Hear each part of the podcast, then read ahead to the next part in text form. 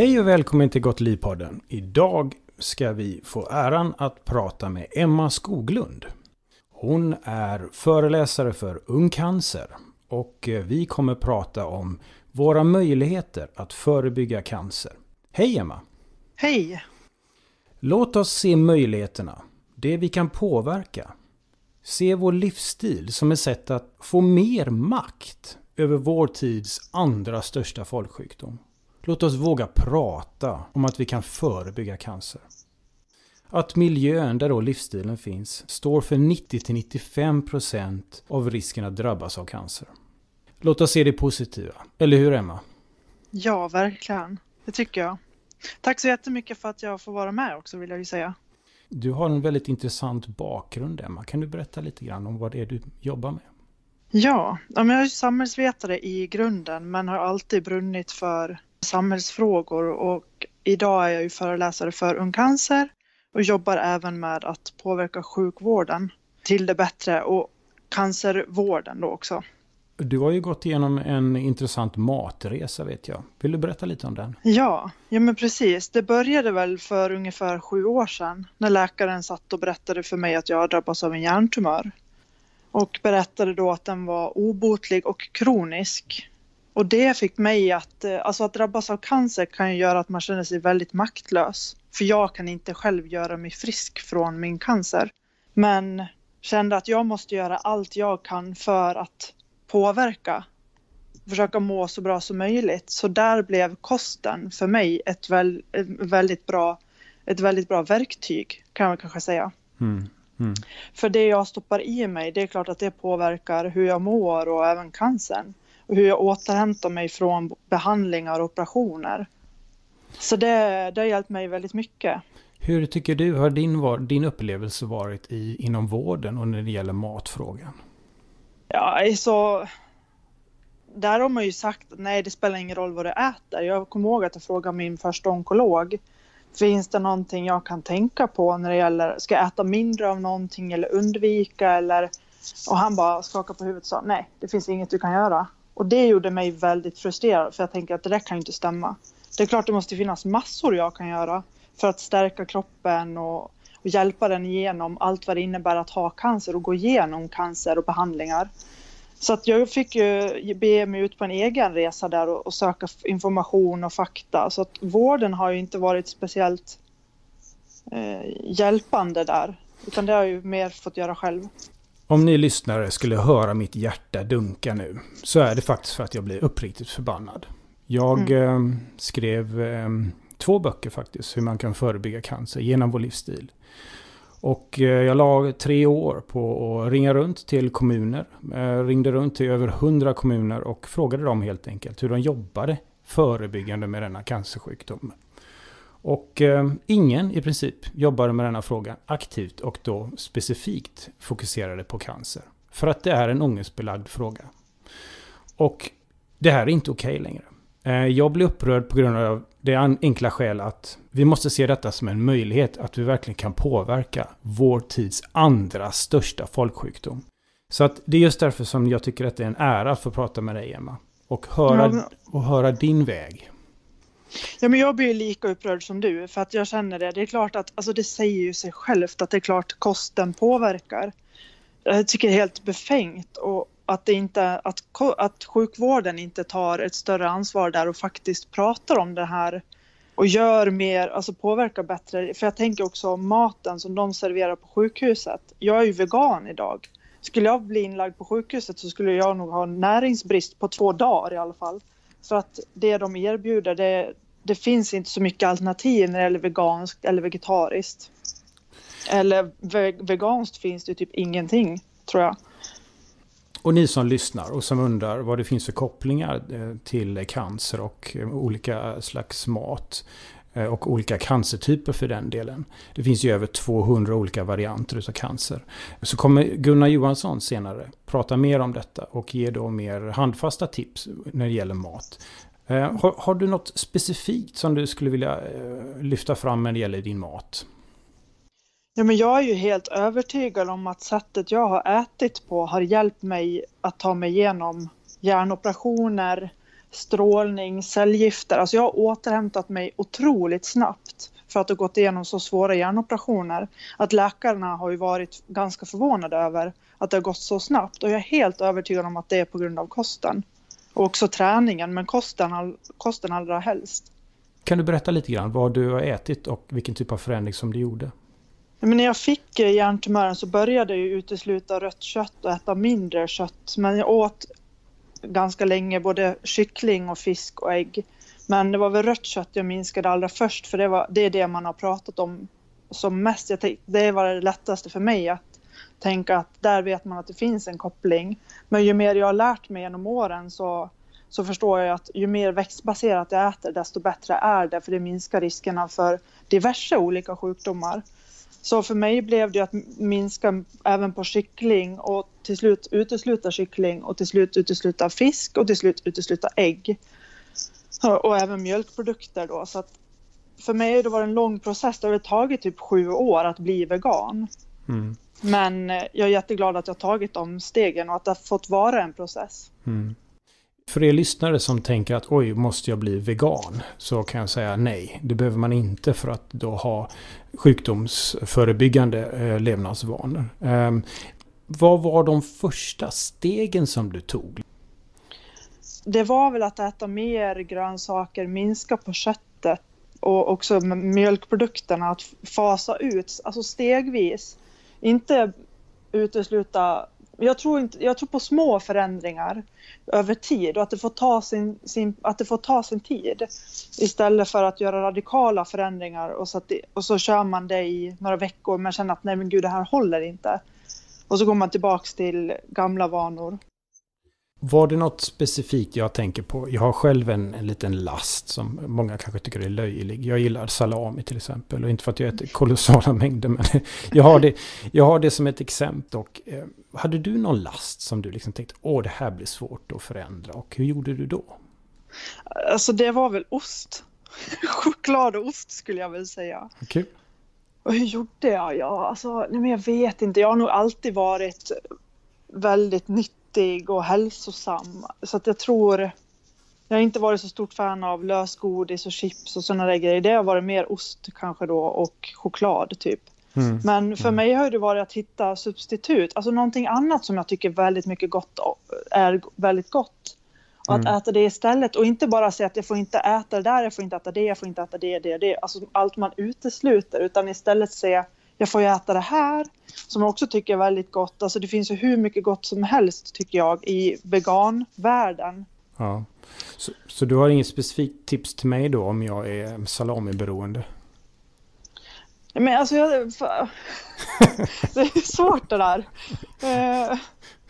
Uh, men hitta någonting annat som du tycker är otroligt gott och försök byta ut i så fall om du vill bli av med den där salamin. Mm, mm. Men det, det, alltså jag tänker det är viktigt också att ha livskvalitet och känna att man att det är gott och att man kan njuta. För det känner jag, så fort jag slutar njuta när, jag, när det gäller mat, då är det inte kul längre. Mm, mm. och för några år sedan så hade jag aldrig kunnat sluta med ägg och fisk till exempel, för då hade jag inte tyckt, eller, eller ost för den delen. För då hade jag inte tyckt det var kul att leva längre. För att jag vill äta och njuta och jag vet att livet är skört. Och just därför vill jag leva här och nu. Verkligen inte mm. avstå en massa saker. Men idag har jag kommit till den punkten där jag kan avstå de där sakerna som jag inte kunde ha avstått för några år sedan. Till exempel osten eller fisken. Just det. Men idag hittat andra saker som jag älskar och kan gotta ner mig i och tycker är hur gott som helst. Hummus, alltså. ja, det finns så mycket exempel jag skulle kunna ta. Ja. Så jag är väl, jag tror att jag är ganska speciell om man jämför med medelsvensson. Så har jag nog ganska speciella smaklökar tror jag. Mm. Nej men detta är intressant för det handlar ju inte specifikt om vad det är man äter utan det handlar lite om ett förhållningssätt. Och det är lite mm. det som jag är ute efter här. Och eh, det, det är det som vi har pratat om tidigare och det är att att man ser helheten i, ens, i, i, i sina matvanor. Och då, mm. när man gör det så kan man ju då unna sig saker. Och vi vill ju kunna leva och vi vill kunna njuta och uh, tycka om maten vi äter. Det är också en, en väldigt social um, sysselsättning. Mm. Uh, har du något har du någonting specifikt sådär som verkligen från hjärtat som du tänker, du har ju faktiskt fått cancer och levt med detta länge. Har du någon livsinsikt som du skulle vilja dela med dig av? Jo, men för mig blev det ju någonstans, jag kände att jag satt i, jag satt i den här maktlösa situationen med obotlig cancer. Jag får leva med min hjärntumör och om jag ändrar kosten och på så vis kan förbättra mina odds och förlänga mitt liv genom att hjälpa kroppen med, med kosten så känns, kändes det som ett självklart val för att då kan jag känna att jag har gjort allt jag har kunnat. Jag har gjort allt i min makt för att få leva så länge som möjligt oavsett då hur det går med min hjärntumör och hur länge jag lever. Så kan jag känna att men jag har gjort allt jag har kunnat. Jag har inte kunnat gjort någonting mer. Mm. Mm. Och då kan jag känna mig ändå lugn eller nöjd eller vilket ord jag nu ska använda. Men det känns bra för mig då oavsett om jag dör för tidigt på grund av min cancer. Jag har inte kunnat gjort mer. Då, det känns skönt. Det här tycker jag, här är, här är det positiva. Här är det här som mm. vi vill åt. För mm. var och en har ju sina preferenser. Var och en kan ju göra det de vill i sina liv. Vi vill mm. inte säga exakt hur era liv ska se ut på något sätt. Men om man kan göra ett medvetet val så har man ju helt enkelt bättre förutsättningar att trivas och må bra och känna kraft i, i mm. livet. Och då veta att man har eh, gjort val som man kan stå för. Eh, jag får ju eh, än så länge stå för valet att jag äter salami. Skämt åsido, men det är faktiskt en del av den här frågan. Vi måste våga prata om cancer. Ja, verkligen. Ehm, när du, jag är nyfiken också på att höra, eh, när du är ute och föreläser eh, med Ung Cancer, vad pratar du om för frågor då? Vad är det då som du tycker liksom, som är de största frågorna som kommer upp? Det är just att hur är det att drabbas som ung av cancer? För det är inte norm att vara cancerdrabbad i 16 till 30 års åldern som är Ung Cancers målgrupp. Så det är ju mycket att förklara att, att bli kroniskt sjuk eller allvarligt dödligt sjuk när man är mitt i livet. Hur påverkar det ens tankar och känslor och vardag helt enkelt? För att det är den där åldern när man är odödlig så att säga. Ja, just det.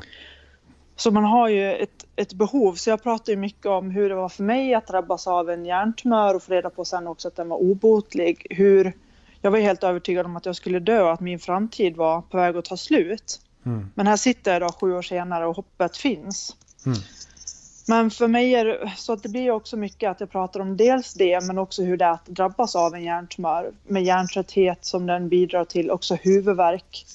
Huvudvärk som jag har dagligen det är också, alltså just verken som jag lever med varje dag är också en anledning till att jag har valt att bli vegan. För att eh, det finns inga mediciner som tar bort min huvudvärk och sjukvården har försökt hjälpa mig i flera år med min huvudvärk men ingenting hjälper.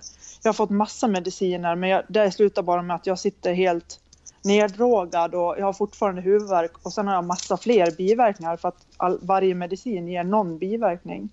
Och där kändes det då bättre att ta andra vägar som till exempel kosten. Så det, det var ju det sista steget som fick mig att kliva över till vegansk kost. Ja, ja.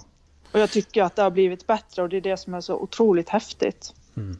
Det är underbart att höra också att schyssta matvanor som är hälsosamma också då mm. kan hjälpa till när man drabbats av denna sjukdomen också naturligtvis. Ja. Eh, när vi pratar om eh, förebyggande så eh, glömmer vi oftast av den eh, möjligheten också när det gäller när vi väl har fått sjukdomen.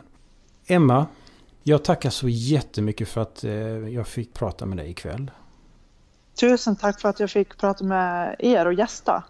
ja, Jättetrevligt och jättekul. Jag hoppas vi får återkomma eh, och prata ja. mer om denna fråga med dig Emma. Gunnar, vilka kostråd gäller egentligen när det gäller människor med eller utan cancer? Ja, det är ju så eh, bra att det är faktiskt samma kostråd som gäller för människor som har cancer och eh, de som inte har cancer, alltså prevention, förebyggande. Eh, och i engelskspråkig litteratur kallar man de människor som har cancer eller har blivit bra från cancer för cancer survivors. Eh, och då finns det en, en organisation som heter ESPEN, The European Society for Clinical Nutrition and Metabolism. Och de skriver i sina riktlinjer att det är ännu mer viktigt för de som har cancer att följa de här kostråden och det är samma kostråd som alla är som American Cancer Society, som Nordiska näringsrekommendationer, som Livsmedelsverket och så vidare säger. Alltså ett högt intag av grönsaker, frukt, fullkornsprodukter och ett lågt intag av mättat fett, rött kött och alkohol. Så den är bra för framförallt de här stora folksjukdomarna som cancer och hjärt-kärlsjukdomar. Eh, och de som äter den här kosten, oavsett om de har cancer eller inte har cancer, lever längre och är friskare än de som inte äter den här typen av kost. Det är uppfriskande tycker jag att höra att det handlar inte om stora komplicerade saker heller. Och att det är samma kostråd oavsett om man har en sjukdom eller inte. Då tänker jag ju naturligtvis på Emmas fall där hon inte fick några konkreta råd ifrån sin läkare. Hur kom det sig egentligen att det är så här Gunnar? Ja, alltså det är ju väldigt märkligt att det, det, måste ju vara någonting som inte stämmer då i läkarutbildningen att man inte säger de här kostråden som jag nyss sa då. Och rent allmänt så vet man ju att det finns olika tendenser att man inte säger det här. Och en, en sak är den så kallade Churchill-effekten. Att eftersom Churchill blev eh, mycket gammal, över 90 år, och, eh, men han rökte och drack alkohol och eh, var överviktig och åt inte så bra. Men han hade alltså väldigt bra genetik. Men alltså det är väldigt få människor som har det. Eh, och det finns ju tvärtom då som eh, i Emmas fall då som får cancer i 20-årsåldern. Som inte har lika gynnsam genetik som Churchill. Men man ser gärna på de här undantagen istället för regeln. Och regeln är ju att de som äter bra, de lever längre och är friskare och får mindre cancer och hjärt-kärlsjukdomar. Och detta gäller ju dessutom om Churchill hade ätit och haft andra levnadsvanor som var mer åt det hälsosamma hållet så hade han ju sannolikt levt ännu längre. Absolut och varit friskare. Han hade ju problem med hjärtat. Eh, så att eh, han var ju inte frisk heller. Vilket en del tror, men det var han faktiskt inte. Har du någonting mer som du skulle vilja tillägga? Ja, det finns ju lite andra eh, psykologiska effekter här som vi kan prata om. Och ett är ju, det kallas för konfirmeringsbias eller bekräftelsebias. Just det. Och det betyder att vi, är, att vi är selektivt uppmärksamma på sån information som bekräftar våra egna uppfattningar. Så, så vi hittar lättare sånt och förbiser ofta det som inte stämmer med det vi själv tycker. Mm, mm. Sen har vi också en annan effekt som kallas för eh, baktändningseffekten eller backfire. Och den kan låta som det är tvärtom, men det är faktiskt inte det. Men det är att motstridig information eh, den som riskerar att hota vår verklighetsuppfattning och vår självbild. Om man får sån eh, information eh, och då blir det ett hot och då börjar hjärnan att arbeta på högvarv för att komma på motargument och, och ursäkter för att det här är fel. Och så ibland eh, så stärker de här argumenten som talar emot en själv faktiskt att man bibehåller de ursprungliga uppfattningarna. Mm, mm. Det är komplicerade mekanismer som spelar in här och eh, det krävs ju en oerhörd medvetenhet och det krävs ju också någon form av vilja att eh, träna sig själv att förändra sig i något beteende, eller hur? Absolut. Så att vi får ju helt enkelt gå tillbaks till de här kostråden som jag tidigare sa då. Och eftersom det är så stora organisationer som säger det här eh, som American Cancer Society och, och eh, Nordiska näringsrekommendationer och så vidare. Att alla är samstämmiga. Och det, det, krävs ju väldigt mycket konspirationsteorier för att inte man ska tro på det. Så att man får helt enkelt komma över de här olika psykologiska effekterna och tendensen att man inte vill tro på det här utan faktiskt eh, tro på det som, som expertgrupper har kommit fram till och att alla har kommit fram till samma sak. Det stärker ju faktiskt att det är på det sättet. Ja, och som eh, Emma så tydligt underströk att man ser det som någonting positivt. Att mm. vi faktiskt kan påverka den här sjukdomen. Precis. Så att vi får börja att eh, Eh, tänka om där lite grann och se då att vi har möjligheter att påverka, att vi själva har makten då att förändra saker och inte se det som ett hot att, att vi faktiskt kan förändra saker. Det tycker jag var ett fint sätt att sammanfatta dagens avsnitt. Vi får tillfälle att återkomma i Gott Liv-podden om just de här frågorna. På återhörande.